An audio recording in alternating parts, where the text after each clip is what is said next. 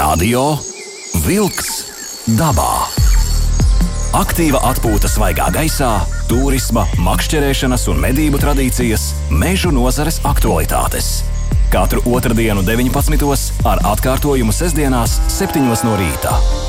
Radio Wolks dabā. Esiet sveicināti redzējumā Radio Vilks dabā. Līna Rudzona ir pie mikrofona. Aivis šeit parasti saimniekoja. Šoreiz esam laiduši nelielā atvaļinājumā, lai ievelk elpu, apkopo, sakopo spēkus un tad jau gaidīsim atpakaļ. Bet uh, nemainīgi gan šeit man līdzās studijā ir Sandrs Jūra. Čau!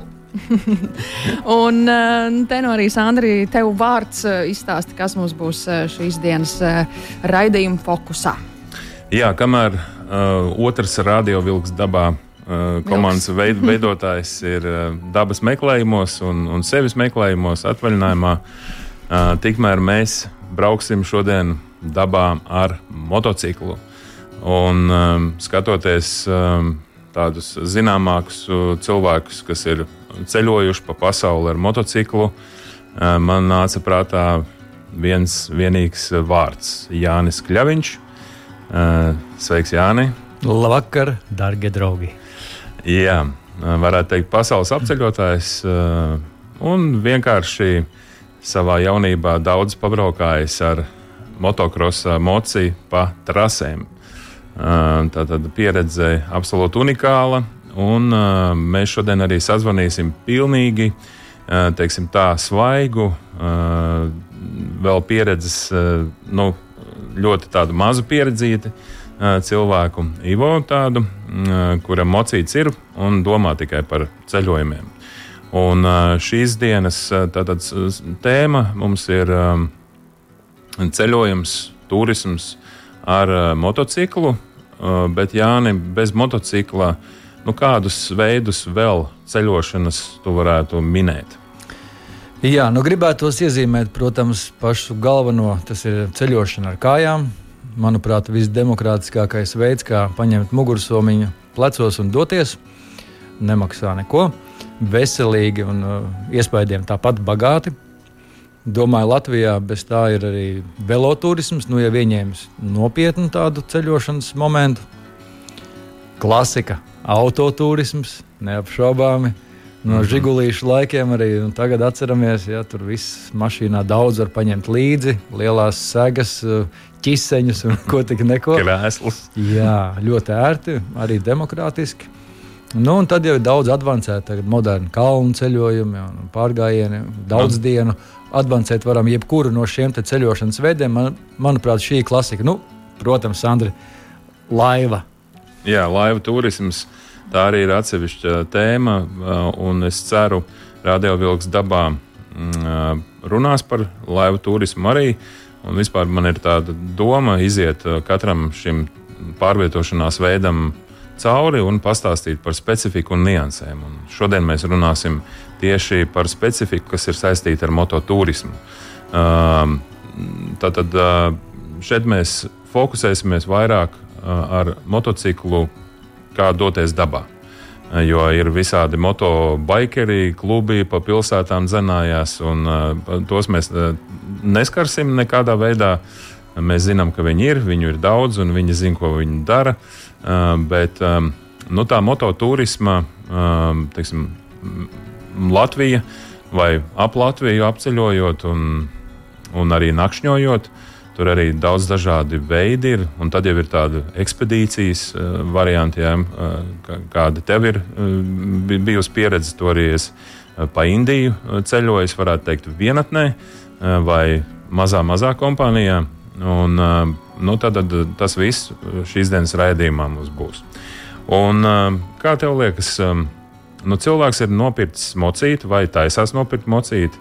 Un, uh, nu, Pirmais jau ir mocīšu izvēle. Ja mēs tā skatāmies, motociklu mēs varētu salīdzināt, kādreiz ceļoja ar, nu, ne ceļoja, bet tādus lielos gabalus pārvietojās, pārvietojās ar, ar zirgiem. Ja?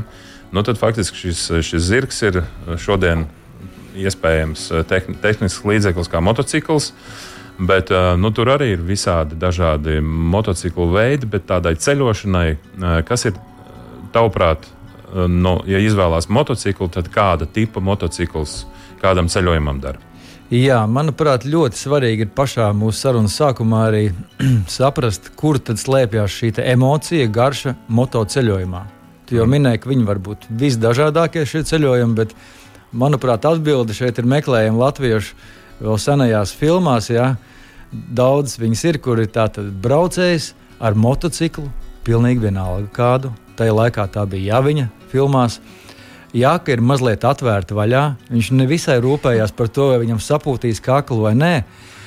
Viņam ir smaids līdz lūpām, un visticamāk, zobos līdz kāda, ausīm. jā, un zobos kāda muša ir. Jā. Viņš vienkārši priecīgs brauc, vai tā kā agrāk jāja zirgi, viņš vienkārši laimīgs. Un tā ir tā motoceļošanas garša, es domāju, pati būtība, jo tās smaržas, kuras nomainās izbraucot no meža pļavā, to tu vari dabūt pārspīlētā kārtā tikai ar motociklu ar velosipēdu mazliet var sajust. Tu iebrauc ēnā, tu dabūji augstumu, instantu, tādu momentālu mm. augstumu. Yeah. Tev iepūš sānu vējš, viņš ir viss tavējais. Un, ja tu brauc ar klasisku motociklu, kuram nav šie moderni aizsargs tīkli, tad droši jau pie 70 km/h tu jūties kā ātrākais Formulas 1 braucējs, jo viss vējš tavējas un tev rauj no beņķa. Lūk, šī, domāju, ir tā garša, kas raksturo motoceļojumu. Mm -hmm. Un, manuprāt, pilnīgi nav nozīmes motocikla izvēlei. Jo tas tālāk jau ir pēc naudas, pēc eh, vēlmēm, kur braukt un kā braukt. Izbraukt var ar jebkādu mocu, pilnīgi mm. visus Latvijas ceļus. Uh, jebkāda, bet nu, tomēr tur ir klasi, klasifiks, tātad grupas dažādas.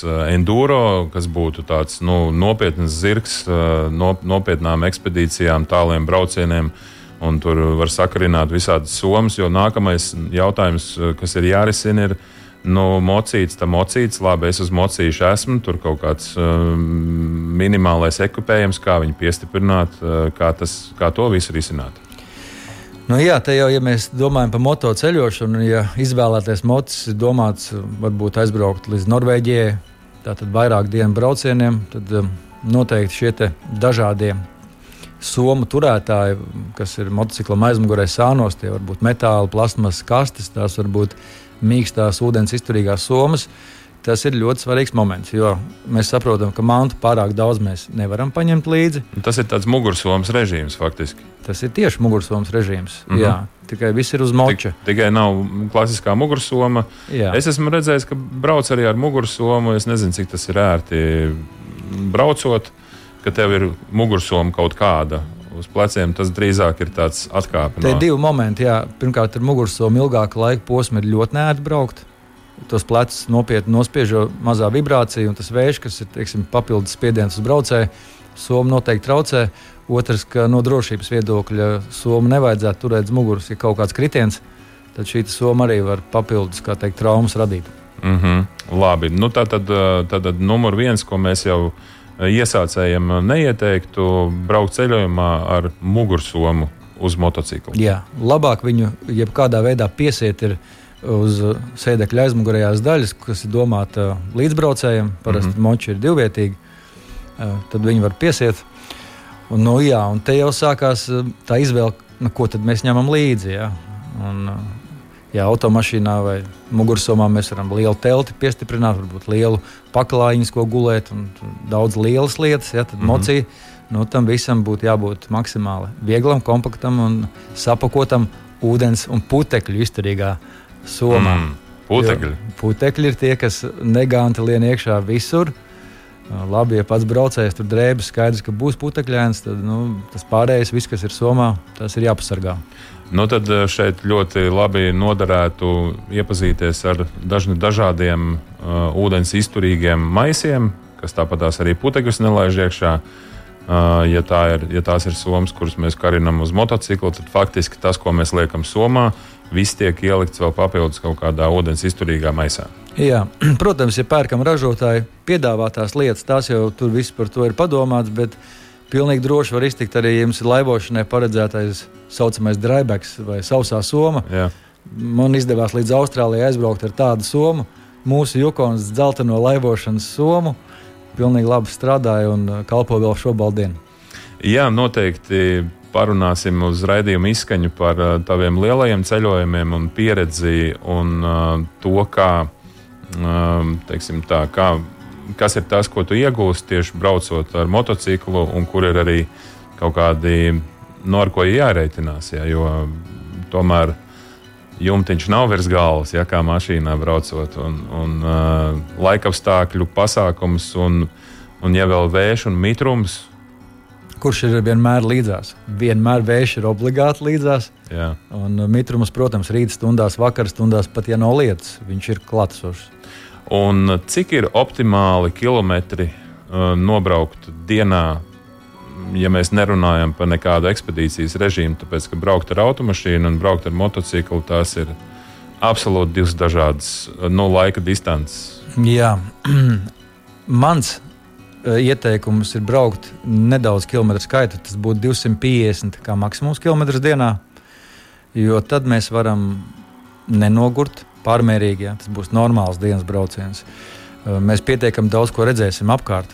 Mēs mm. nebūsim sakoncentrēti tikai uz satiksmi. Mums būs laiks apstāties, kaut ko ieraudzīt, arī atpūsties. Jo ar mocu braucot, nu, tā vibrācija dažkārt notirpina rokas, notirpina kājas, notirpina sēžam vietu. Vajag atpūsties, jo nav jau mērķis aizskriet līdz punktam B. Nu, ja vien tāds nav tas mērķis. Yeah. Bet tas pats brauciens vienmēr esmu pieturējies pie šī 250 dienā. Tas ir, nu, ja jābrauc, nu, maksimums. Ir, ir maksimums. Ja jābrauc, ir, es domāju, daudz dienas, nu, liela gabala jābeidz mm -hmm. plānā, tad eh, tas būtu tas maksimums. Radio Vilks dabā. Aiziet dabā! Radio Vilks dabām šajām otrdienām turpina skanēt, un sveiciens arī visiem, kuri klausīsies šo sestdienu no rīta pulksten septiņos atkārtojumā. Klausītāji, ja jums šo raidījumu klausoties rodas kādi jautājumi, ko vēlties uzdot, tad atgādinu par SMS iespēju 293-1222. Šis tālruņa numurs ir jūsu ziņojumiem. Droši rakstiet, centīsimies atbildēt, ja vien būs iespējams. Un, protams, ja jums rodas vēl kādas ierosmes, idejas, ieteikumi raidījumiem, tematiem, tad droši arī varat mums ziņot mūsu mājaslapā www.lr2.lv.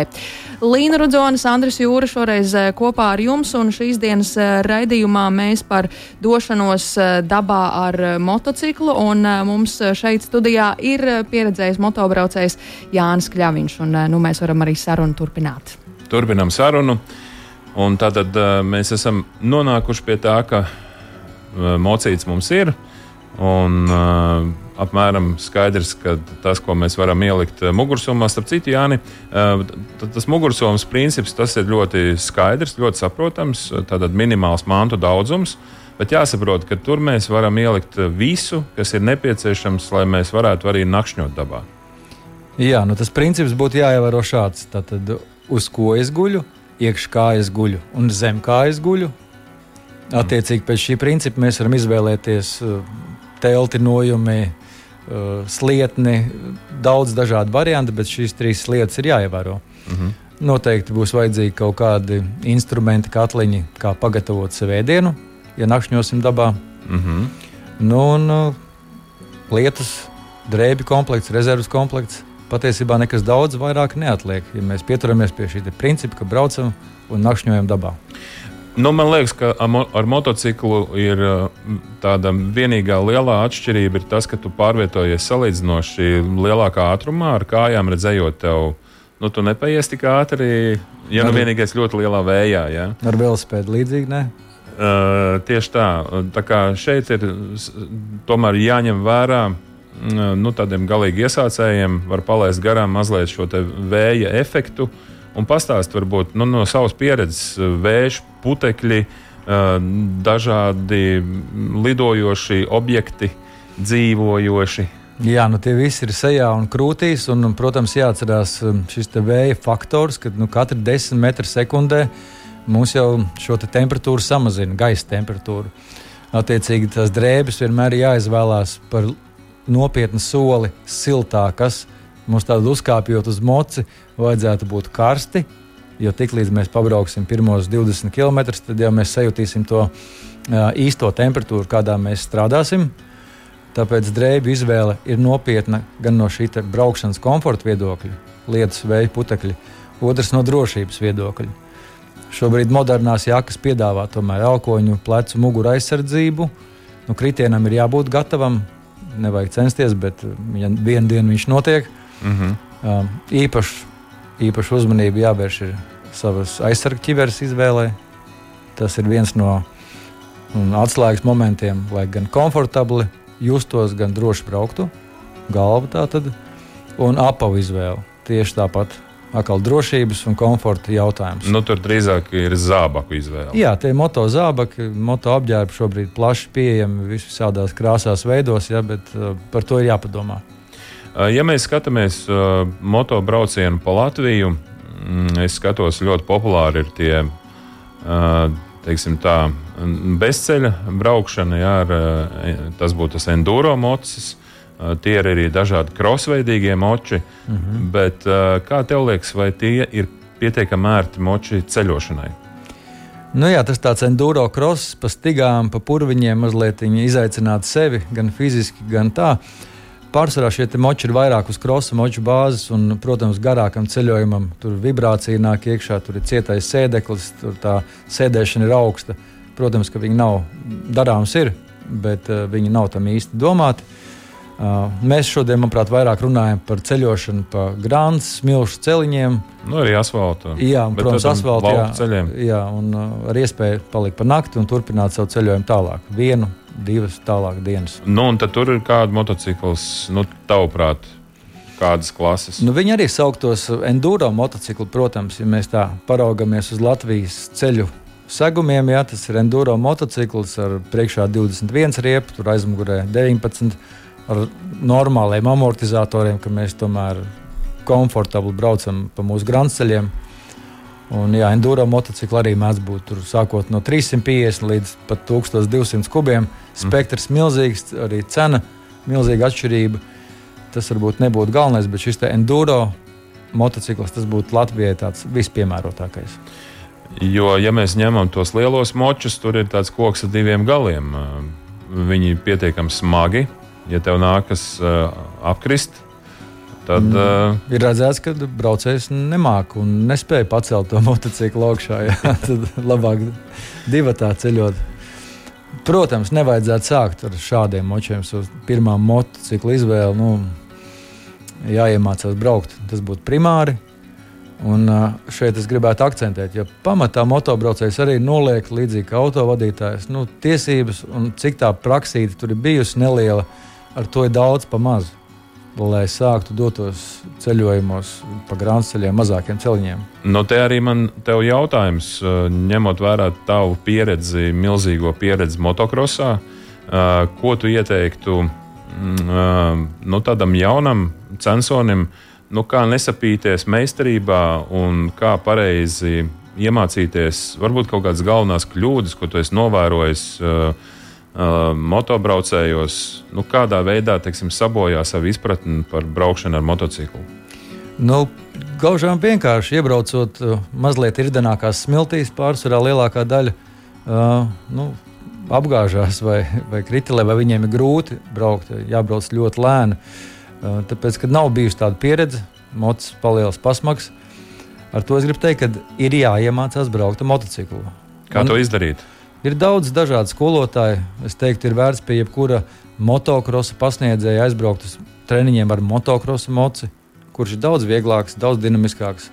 Tu gribi teikt, ka aizbraucot uz mototrasi, tādu krosa mototrasi, tādas pa Latviju daudz. Tu gribi teikt, ka šāda pieredze varētu ļoti nākt pa labu? Viennozīmīgi, jā. Es nesaukšu konkrētus uzvārdus, bet es jā. zinu, ka ir cilvēki, kas piedāvā treniņu apmācības. Mm. Noteikti pēc nu, piecām braukšanas reizēm pa apvidu, jau smiltīm, kaut kādām bedrēm, varbūt kādu dublīti. Eh, noteikti cilvēks ar savu mociju jutīsies daudz drošāks arī uz grāmatceļiem. Tas ir ļoti interesanti. Uh, kad šāda motocrossa pieredze, tas līdzīgi kā ja tu gribi iemācīties vadīt uh, automašīnu pietiekami labi ekstrēmos apstākļos, dodies uz, uz šīm ziemas trasēm vai vasaras trasēm ar, ar profesionālu sportistu. Ja? Kaut kas līdzīgs. Kaut kas ļoti līdzīgs. Nu, nezinu, ar slidošanu var salīdzināt. Nu, slīdes var nopirkt visi, kaut kā pašļūkāt var visi, bet tomēr, ja tu gribi droši pārvietoties pa ledu, ir jāiemācās. Ja? Tas moci ir izteikti. Uh, nu tad mēs ar šādu te, uh, cilvēku, kurš ir moci nopircis, bet vēl nav devies lielā ceļojumā, bet ir mazliet jau taustās. Sazvanīsimies un uh, uzklausīsim viņa pieredzi. Radio Wolks dabā. Aiziet dabā! Nu, tad mēs esam sazvanījuši Ivo Čapiņu, uh, entuziasts, uh, teiksim tā, svaigs motobraucējs, kurš vēl nav rētas uh, ieguvis un milzīgo pieredzi, kāda varētu būt Jānim. Nu, pareizi, kāpēc varētu būt? Ir Jānim. Ivo, sveiks, labvakar! Labvakar! Uh, nu, tu teici aizkadrā, ka tev ir jau visādi jautājumi, klausoties raidījumu mājās, uh, sarakstīti. Varbūt uh, ķeramies klāt? À, nu, varam uzreiz sākt ar jautājumiem. Jā, es gan man bija vairāk tie jautājumi pašā sākumā, bet Jānis jau tur uz daļu no viņiem jau laika gaitā jau ir nu, lieliski. Atbildēja, tā, faktiski man tikai palika pāris jautājumi, vismaz kas man pašam liekas, kas ir tādi būtiskākie. Un, uh, mans uh, tas galvenais jautājums bija, nu, vispār varbūt ar to uz kurieni Jānis varbūt vispār ieteiktu, kā iesācējiem ir labāk aizbraukt, ja mēs runājam par ārpus Latviju, vai ir kaut kādi, varbūt, ka viņš kā eksperts var kādu ieteikt kādus maršrutus, ko noteikti būtu vērts apskatīt. Sveiks, Ivo, paldies par jautājumu. Ceru, ka padalīsies arī savā jaunbraucēju pieredzē, bet, ja reiz vaicā par maršrutiem, um, pirmkārt jau pa Latviju ir jāsaprot, kā plānot maršrutus, jo es domāju, jāsāk ar Latviju. Yep. Un, uh, manuprāt, kā es pats plānoju, ir LBM geokarte. Um, ļoti labi atzīmētas visas naktsvietas, kurās drīkst palikt pa nakti. Parasti tās ir skaistas vietas pie kādiem no ezeriem, labi iekārtotas vietas. Attiecīgi, nu, tad mēs plānojam, ka mēs brauksim no mājām uz pirmo nakts vietu. Es teiktu, pirmajās dienās nevajadzētu tālāk pa 100 km plānot. Un varam tādā veidā ļoti skaistu maršrutu saplānot, un tāpat laikā mēs netraucēsim kādiem privāto zemju īpašniekiem pēkšņi traucoties ar mocu cauri kādam privātam īpašumam, kur aprei suņi un vistas aiziet pa gaisu. Ja? Manuprāt, tas ir labs veids LVM geokartē. Jā, man arī tā liekas, jo nu, ņemot vērā to, ka uz motocikla tu krēslu galdu nu, ne, nepaņēmis, ja paņēmis tikai minimālo, lai silti nonakšņotu. Uh, tad šīs Latvijas valsts mežu atpūtas vietas, kuras ir pietiekami daudz. Protams, var arī veidot ceļojumu pa vietām, kur tev jāsamaksā kāda nauda, atbalstīt šīs atpūtas vietas, turismu vietas. Un, Ivo, bet mēs jau te šodien runājām pa telefonu, un tev ir tāda svaiga pieredze Uh, svaiga pieredze. Tātad uh, tu esi izbijis Harlija Davidsona braucējs, tātad nu, pa pilsētām un, un kluba ietvaros. Nu, un tad pastāstīja savus uh, tālākos ceļus,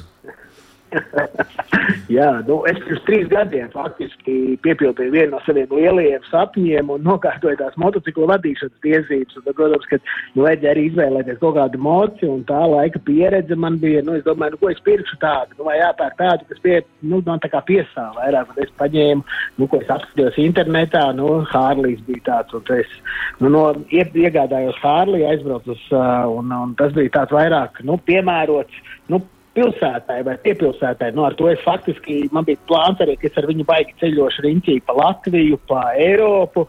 Bet, nu, faktiski jau pirmajā gadā, tad, kad man bija jāizbrauc līdz Ventspilī, es sapratu, ka es diezgan vai tālāk gribēšu kaut kur braukt, jo faktiski man ceļojuma laikā jau nācās pāris reizes jau nokāpt jau, jau no, no moča, jau neizsajūtu, jau, ka nu, man, viņš nav īsti piemērots tādiem garajiem braucieniem. Uh, faktiski tas man bija tāds trīs gadus jau. Nu, es, es par to sapņoju, kad es kaut kad sāku tā pa īstam ceļot. Un tad uh, faktiski nu, šogad es uh, nu, nomainīju savu moci, es uh, nu, iegādājos jaunu moci. Man tagad ir BMW 850 Adventure mocis, uh, nu, ko es plānoju apceļot. Uh, nu, Tātad gan Latviju, gan arī Eiropu. Un, faktiski, nu, man viņš ir jau, nu, pat, laik, laikam jau otrais mēnesis jau, kad es aktīvi braukāju. Jāsaka, jā, un es sāku lēnām iepazīt arī šos te offroadus. Nu, un kā tev offroadā, kā tu nu, teiksim, jūti, kad var tagad tālāk nobraukt? Vai? Jā, mocis ir gan jaudīgs un gan smags arī. Jā, te tā, te tā klasiskā varbūt lieta, kad mocīti, mocīti paņem varbūt bišķiņ, bišķiņ pārāk jaudīgu, ne? Jā, kā tev? Nu, es nezinu, kā tev liekas šobrīd. Nu, man ir tā, ka jā, nu, es jau to mocu ņēmu ar tādu aprēķinu, lai es gan varētu braukāt pa mežiem un plus arī kaut kādiem garākiem. Tad, protams, ka man apkārt gan klubā, gan arī nu, draugi, kas, kas braukā ikdienā, nu, tad, protams, ka nu, daudz stāstīja un rādīja, un tā bija tāda nu, tā vidus tāds ceļš izvēle. Nu, un, faktiski, nu, šonadēļ es, nu, pagājušo nedēļu, jāsaka, jau tas bija jau pirmo reizi iebraukt tādā īstā mežā jau, un, nu, klausoties Jānis, gan saprotu, ka man vajadzēja noteikti vēl kaut kur aizbraukt, pabraukāt ar kādu no kaut kur, kaut kur tā, jo es biju pierakstījies arī uz kursiem, pie ir instruktori, kas piedāvā nu, šos offroad braucienus, bet, nu, man vienkārši, nu, tur uh, dažādu apstākļu dēļ man nebija iespēja piedalīties, un uh, rezultātā es domāju, nu, tad es pats braukšu pa mežiem, izmēģināšu, man uzlika riepas uh, tās speciālās, lai var braukt pa mežiem, tur, kas ir paredzētas, mm -hmm. un es faktiski izvēlējos to te trasi, Nu, tad uh, domāju, nu vienu vakaru izbraukāšu pa viņu, paskatīšos, kā ir braukt pa ofrodiem. Nu, mēs kopā uzaicinājām vienu draugu, un mēs kopā ar viņu arī tā braukājām. Nu, tad uh, nu, viss bija lieliski kaut kāds nu, stundu, pusotru. Nu, līdz vienam brīdim, kad mēs uh, nonācām mežā, kur bija upīte un kur bija tiltiņš. Tad nu, turpceļā es pārbraucu pāri, viss kārtībā, bet nu, uh, Tad beigās man kompānija teica, ka viņš tā kā, nu, nē, ka viņš nu, baidās, jo tas tiltiņš nebija tāds īsts, un tas mocis man viņš tāds, nu, es īsti nezināju, kā viņi tur brauc, un es braucu, es teicu, nu, labi, es braukšu atpakaļ, un faktiski braucot atpakaļ, es, uh, ied, nu, man viņš ap, ied, nu, nostupējās un iegāzos uh, tajā upē. No tiltiņa nokrita, tā var teikt. No tilta nokrita. Jā, bet nu, tas tilts, nā, nu, es nedomāju, ka es kaut kāds augstais, es vienkārši, nu, pašu pašu ūdeni, tā kā faktiski mm -hmm. tas bija tāds bez paša ūdens. Nu, faktiski nu, mana tā pieredze ir nu, šogad ir tā, ka nu, jā, ir jābūt ļoti, ļoti uzmanīgam un jāzina, ko tu dari tajā mežā. Arī. Nu, Pagaidiet, te visiem jautājums, kas notika tālāk, stāsta svarīgāko. Jā, tā jā, jau pareizi teikt, tas mocis ir beigas smagais. un mēs kopā ar šo moci, protams, mēs zem ūdens, un, un tad ir tas šoka moments. Un, nu, labi, ka man bija uh, kompaņons draugs līdzi, un tad, protams, ka mēs par diviem viņš arī leca no moča un, un, un skrēja klāt, un tad mēs, nu, protams, ar, ar kaut kādu lēnā garā viņu tur izvilkām ārā. Tur, nu. Un, un, faktiski nu, mums paveicās tas, ka bija vēl pār, netālu bija tie atpūtnieki, tad tur vēl pieskrēja pāris cilvēki klāt mums palīgā, un, kas palīdzēja to mocu izvilkt ārā. Faktiski. Bet, nu, ja es būtu viens pats bijis, tad pilnīgi taisnība, es viņu droši vien būtu atstājis tajā upē arī. Nu, tagad noteikti remonta darbi priekšā, cilindri jājauc vaļā un tam līdzīgi. Ja? Nu, jā, tagad man tagad faktiski tagad ir tāds jautājums, vai man viņi tur izdosies pa vieglo tur viņu saremontēt, vai tas būs kaut kas ļoti, ļoti dārgs. Es saprotu, ka nu, man ir godīgi, es īsti nezinu, kā ir tur, vai tur ja tas, ja mocis noslīgs, vai viņu var tur glābt, lai gan it kā teica jau, ka, kad, ja tur elektronika strādā, tad it kā vajadzētu būt visam kārtībā. Bet nu, viņš man tā kā nepiešķīlās, tā kā dabūtu pēc tam vilkt viņu ārā no mēža, evakuātors, evakuātoru un tā kā vest uz to servisu. Vienāds sakot, pa visu naudu, kā teikt. nu, tagad, jā, nu, mans plāns bija šogad, man bija, bija izplānots, ka mēs kaut kur, nu, vēl brauksim kaut kādā garākā maršrutā arī pa, pa tētkām trasēm. Nu, redzēs, kā mums tagad ies ar, ar, ar šiem remontiem, vai viņiem izdosies viņu saremontēt, bet, nu, noteikti kaut kur, ja, ja viņiem izdosies, tad, protams, ka ir kaut kāds plāns vēl šogad vismaz pabraukāt pa šīm te tēt trasēm, arī pa tām te LVM geotrasēm. Paldies, tās ir noteikti kaut kas interesants, ko es papētīšu. Un, nu, jā, nu, tā kaut kā. Nu, tad tavs galvenais secinājums pēc šīs pirmās pieredzes dārgās. Nu, es ļoti ceru, ka tā nebūs pati dārgākā pieredze man, bet uh, noteikti ja plānojat kaut kur braukt, nu, noteikti plānojiet to maršrutu, kas ir jāņem vērā droši vien, ko Jānis arī teica, nu, skatāties, nu, kur, kur kā braukt, un noteikti Nu, noteikti, es, es noteikti nebrauktu viens pats. Nu, tas man bija tāds arī, ko es arī jau, ko man daudz ieteicu, tad uh, braucot pa tām tetrasēm, kad nekad nebrauc viens. Nu, kad jāņem vismaz kaut viens līdzi, vai varbūt pat vairāki, kas brauc, jo es tā saprotu, ka tādas situācijas var atkārtoties faktiski. Tad, nu, tad, jā, tad tas droši vien tas ieteikums ir brauciet grupās. Jā, nu vismaz sākumā, kamēr uzkrāta ir uh, drosme, pārliecība un viss pārējais. Mm ka tu jūties jau tik droši, ka tu vari doties tādā vienatnes ceļojumā ar motociklu. Paldies, tev, Ivo! Mēs tulītās ar Jāni parunāsim arī par um, teiksim, aiz, aiz Latvijas robežām, uh, par šiem maršrutiem, ko tu uzdevi sākumā. Jautājumu, paldies, Ivo, tev par šo stāstījumu, par šo pieredzi, un lai tev izdodas izbraukt kādu skaistu braucienu. Paldies jums, jā, jauka vakar. Atā. Atā. Sazinājāmies ar arī dzenu motobraucēju, tiesa gan jauno, kā pats sacīja, varētu teikt, iesācēju Ivo Čapiņu šeit raidījumā Radio Vilks dabā. Radio Vilks dabā. Aiziet dabā! Turpinām būt kopā raidījumā Radio Vilks dabā un eh, šīs reizes eh, sarunas centrā viss par eh, moto braukšanu dabā. Un šeit mums klātienē joprojām motobraucējs Jānis Kļaviņš. Jāni, tātad uh, Ivo jautājums par tālākiem ceļojumiem, par maršrutiem, kur tu rekomendētu Latvijas ceļot gribētājiem ar motociklu doties ārpus Latvijas. Jā, es šeit gribētu izcelt to, ka plānojot savus tālākos braucienus, ļoti rūpīgi jāapsver, uz kuru valsti mēs dosimies. Jo brauciens uz Skandināviju tas būs viens. Skandināvijā mēs noteikti gribēsim plānot braucienu no kempinga uz kempingu. Skandijā, Skandināvijā nevar gluži tā palikt pa nakti, kur iepatīkās. Arī dēļ kalniem nav tādas vietas pārāk daudz. Uh, Tad temperatūras. Temperatūras pēc moča brauciena tev gribās arī iet dušā, tomēr sasildīties, kaut ko pažāvēt. Skandināvija tie tomēr būs vairāk kempinga braucieni. Labi. Uh, Eiropa vispār jau stipri mainījusies. Ja, ir, nu, tu, tur tie kempingi vairāk nav tik mežonīgi, patīkami, interesanti. Ja. Mm. Savukārt, ja mēs skatāmies ļoti populāru maršrutu Eiropā, ir Balkānu valsts. Ja, Eh, tur joprojām ir gan skaistie celiņi, gan kalni, gan joprojām var ar teltīm nakšņot gandrīz tā, ka tev vēl, nu, kur tev patīkās. Ja? Mm -hmm. Tāpēc šim ir jāsako līdzi. Atkarībā no mūsu izvēlētā virziena arī attiecīgi mainīsies mūsu plānošana. Nu, līdzīgi jau kā ar automašīnu braucot, ja tu skaties, eh, kāda ir kempinga, kādas ir iespējas, ko tu gribi apskatīties. Un, Un faktiski, ja mēs runājam par ārzemju braucienu, pamatā tie ir pa kempingiem, no kempinga uz kempingu, bet tāpat tās kempingā mēs varam nakšņot teltī. Uh, un, un, un būt ļoti neatkarīgi no visiem. Jā, no tā nav nevajadzētu izvairīties. Tie kempingi tiešām ir pārsvarā jau skaistās vietās izveidoti, sevišķi tuvājās Slovākijai vai Polijai. Mm -hmm kur ir tātru kalni, nu, tur var atrast glītas vietiņas ar labiem skatiem. Nu, tas, ko es esmu novērojis, ja mēs gribam uzreiz jau kaut kādu skaistumu, tad tuvākais no Latvijas, eh, tātad Tatru kalni, tie būs 1000 km. Jā. Tātad jāizrēķina ir varēšana, spēja nobraukt, ja ar mašīnu, protams, to var nobraukt, ja tās saņemās vienā, vienā braucienā. Ar mocu vajadzētu divos rāvienos, sevišķi iesācējiem. Jā, Skandināvija, jo mēs Oslo esam pārcēlušies ar prāmi. Oslo mēs esam jau 600-700 km jānobrauc, un mēs jau esam jau skaistās, skaistajā dienvidā. Norvēģijā, nu, ja grib uz augšu, nu, tad attiecīgi, bet nu, jau viss skaistums sākās tur.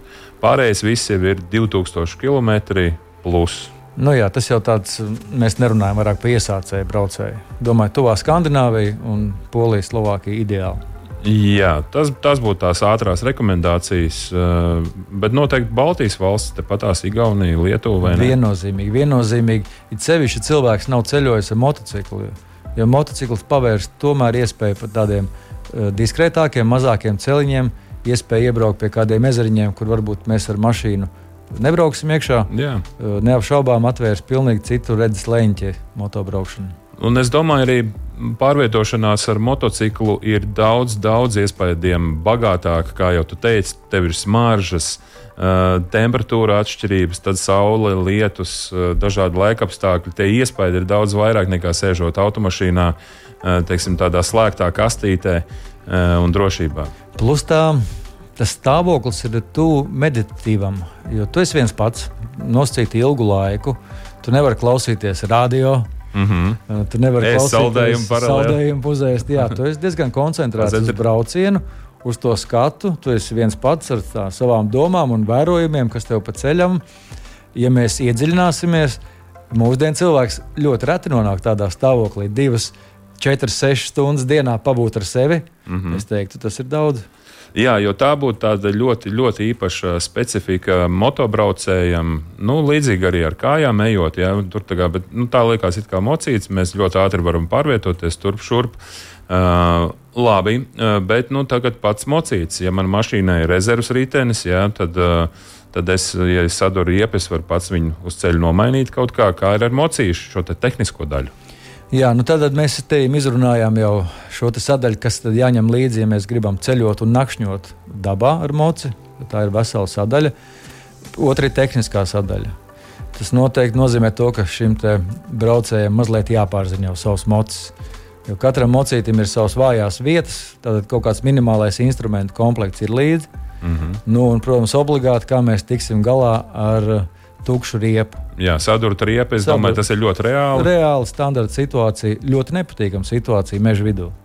Un, nu, labi, meža vidū šoseis arī viss kaut kas var gadīties. Un, teiksim, šie te enduro braucēji ar tām ļoti niknējām riepām, tieši tā riepa izvēle, ko, ko tu vari rekomendēt? Jo tomēr, ja mums ir Eiropas brauciens vai arī Latvijas brauciens, nu, ja mēs negribam dangāt tos mežus, bet braukt pa zemes ceļiem, tāpat laikā kādām meža ceļiem, bet eh, tādiem, kurus var izbraukt. Tad ko tu riepu izvēlē varētu rekomendēt? Jā, nu riepu tirgotāji viņi tās riepas eh, dēvē, definē. Tur 50 uz 50 vai 70, 30. Jā, attiecīgi, nu, kā tu domā, kā tu brauksi, tad ir 70 asfalts, 30 grāns mm -hmm. vai 50, 50. Nu, Latvijas apstākļos viennozīmīgi 50, 50 tas būtu minimālais, jo tomēr tie grāns ceļi ir mm, piedāvā arī ainavas, attiecīgi skatus. Mm -hmm. un, nu, bet šosei, protams, arī būs. Bet kā ar to riepas nomainīšanu? Nu, riepas nomainīšana. Kā tur izsini? Uh, garajos ceļojumos, protams, man ir visi instrumenti, lai es varētu pats nobortēt riepu un nomainīt kameru, bet šobrīd ir daudz ārtā, ātrāk un ērtāk risinājumi. Ir tie iebāžamie kordi, kas var, ja mēs atrodam caurumu, šo caurumu aizvalcēt ciet uz vietas, mm -hmm. un otrs, tam mums jāspēj uzpumpēt šī riepa. Ja, tad elektriskais pumpīts vai rokas pumpīts, nu, kaut kas, lai dabūtu gaisa iekšā. Jā, ļoti žēl, ka laiks ir nepielūdzams un programma tuvojas pavisam izskaņai. Mēs neparunājām par to, kā ir ceļot pa Indiju un kā ir apceļot apkārt pasaulē ar motociklu. Nu, cerams, ka uh, izdosies mums parunāt. Tā ir 21. gadsimta blakne, laika trūkums. Lūk, raidījums Radio Vilks dabā arī tūdaļ noslēdzas šīs dienas viesis Jānis Kļaviņš, motobraucējs, stāstot par pieredzi dažādiem ieteikumiem. Klausītāji ļoti ceram, ka jums noderēja, ka jūs iedrošinājām. Un atgādinām vēlreiz, ka savus jautājumus, ieteikumus arī par raidījumu tematiem droši sūtiet mūsu mājaslapā www.lr2.lv. Klausieties mūsu podkāstos un šo raidījumu arī atkārtojumā šajā sestdienā pulkstenes septiņos. Sandrs Jūra un Līna Rudzona šajā reizē kopā ar jums sakām uz sadzirdēšanos un paldies, ka klausījāties. Paldies un ceļojam dabā. Lai jauki! Izskan raidījums Radio Vilks dabā.